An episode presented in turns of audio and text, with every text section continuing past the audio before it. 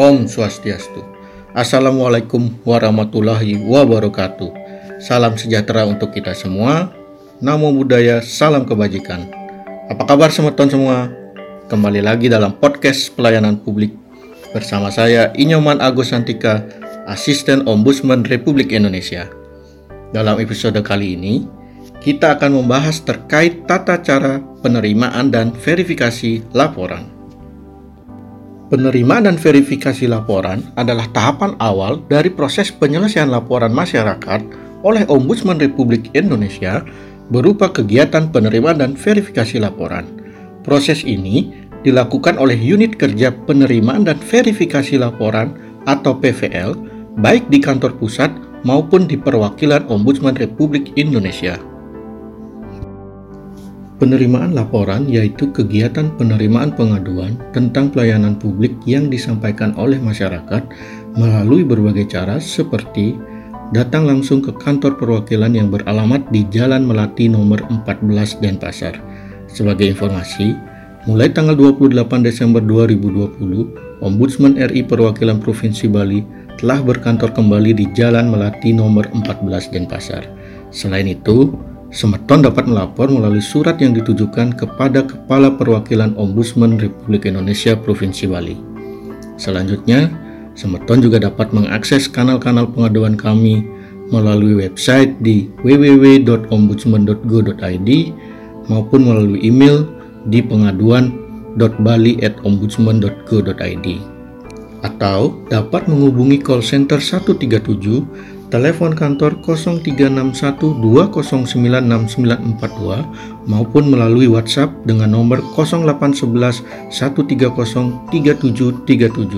Jangan lupa, Semeton juga dapat melapor melalui media sosial kami, baik Facebook atau Instagram. Jadi, banyak cara yang dapat ditempuh oleh Semeton untuk melapor ke Ombudsman ya.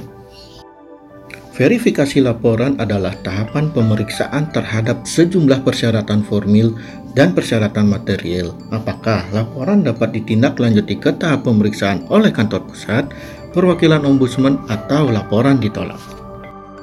Kategori pelapor dalam proses verifikasi formil diatur sebagai berikut. Korban langsung yaitu perorangan, badan hukum. Kemudian kuasa korban yaitu kantor hukum atau advokat, kelompok masyarakat, anggota keluarga, perorangan, badan hukum, atau organisasi.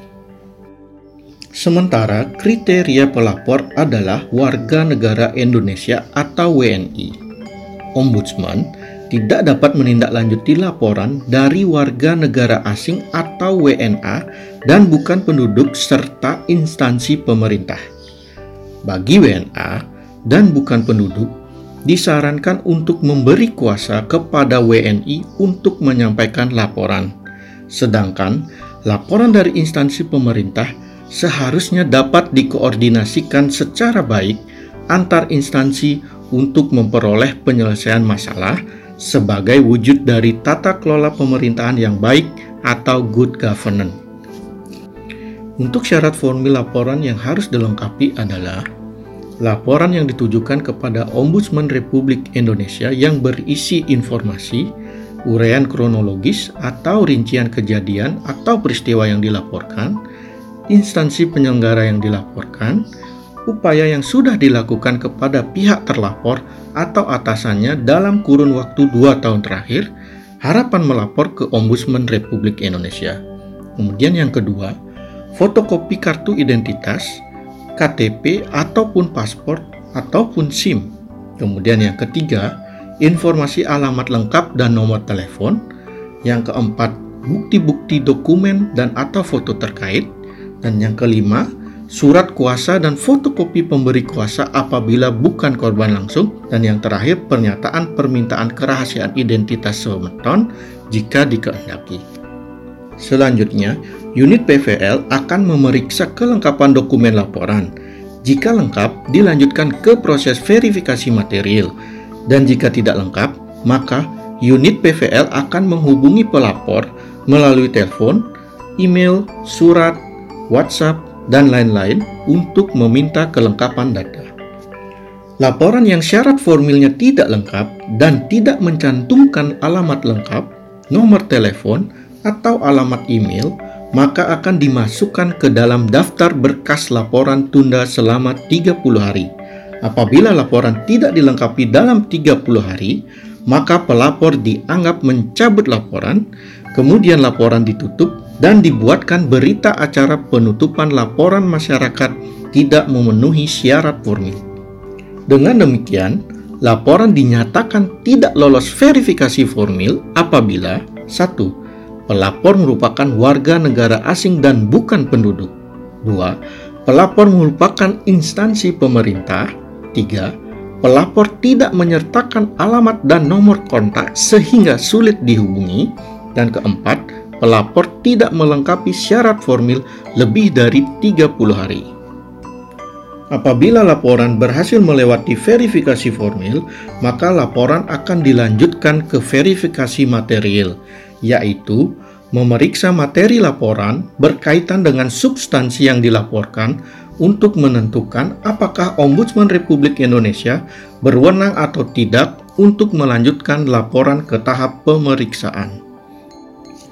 Syarat material laporan meliputi 1 laporan terkait dugaan maladministrasi dalam penyelenggaraan pelayanan publik yang diselenggarakan oleh penyelenggara negara dan pemerintahan, termasuk yang diselenggarakan oleh badan usaha milik negara, badan usaha milik daerah, dan badan hukum milik negara, serta badan swasta maupun perseorangan yang diberi tugas menyelenggarakan pelayanan publik tertentu yang sebagian atau seluruh dananya bersumber dari anggaran pendapatan dan belanja negara atau anggaran pendapatan dan belanja daerah.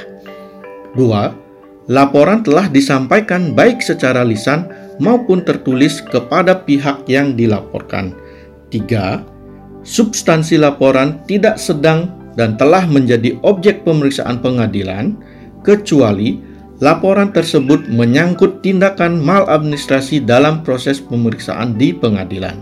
4 laporan belum memperoleh penyelesaian dari instansi yang dilaporkan. 5. Laporan yang dilaporkan merupakan wewenang ombudsman dan atau substansi dalam ruang lingkup pelayanan publik, bukan merupakan persoalan perorangan dan atau keperdataan yang tidak berhubungan dengan pelayanan publik, bukan merupakan perbuatan pidana. Dan yang keenam, substansi yang dilaporkan belum pernah diselesaikan dengan cara mediasi dan konsiliasi oleh ombudsman berdasarkan kesepakatan para pihak. Setelah laporan lolos verifikasi material, maka unit VVL akan menyusun ringkasan verifikasi syarat material yang hasilnya kemudian disampaikan kepada rapat pleno atau rapat perwakilan untuk memperoleh persetujuan apakah laporan diterima untuk dilanjutkan ke tahap pemeriksaan oleh ombudsman di kantor pusat atau di kantor perwakilan atau ditolak untuk tidak dilanjutkan ke tahap pemeriksaan. Peran PVL dalam penyelesaian laporan di Ombudsman Republik Indonesia adalah sebagai proses filterisasi sehingga laporan yang masuk pada tahap pemeriksaan adalah laporan yang dinyatakan lengkap syarat administratif dan substansinya merupakan kewenangan ombudsman. Terima kasih atas perhatiannya. Semoga ulasan kali ini ada manfaatnya. Sebelum undur diri, saya ingatkan kembali agar Semerton tetap disiplin untuk mematuhi protokol kesehatan. Jaga jarak, pakai masker, dan selalu rajin mencuci tangan dengan sabun. Terima kasih. Om Santi, Santi, Santi Om. Waalaikumsalam warahmatullahi wabarakatuh. Rahayu, Rahayu, Rahayu.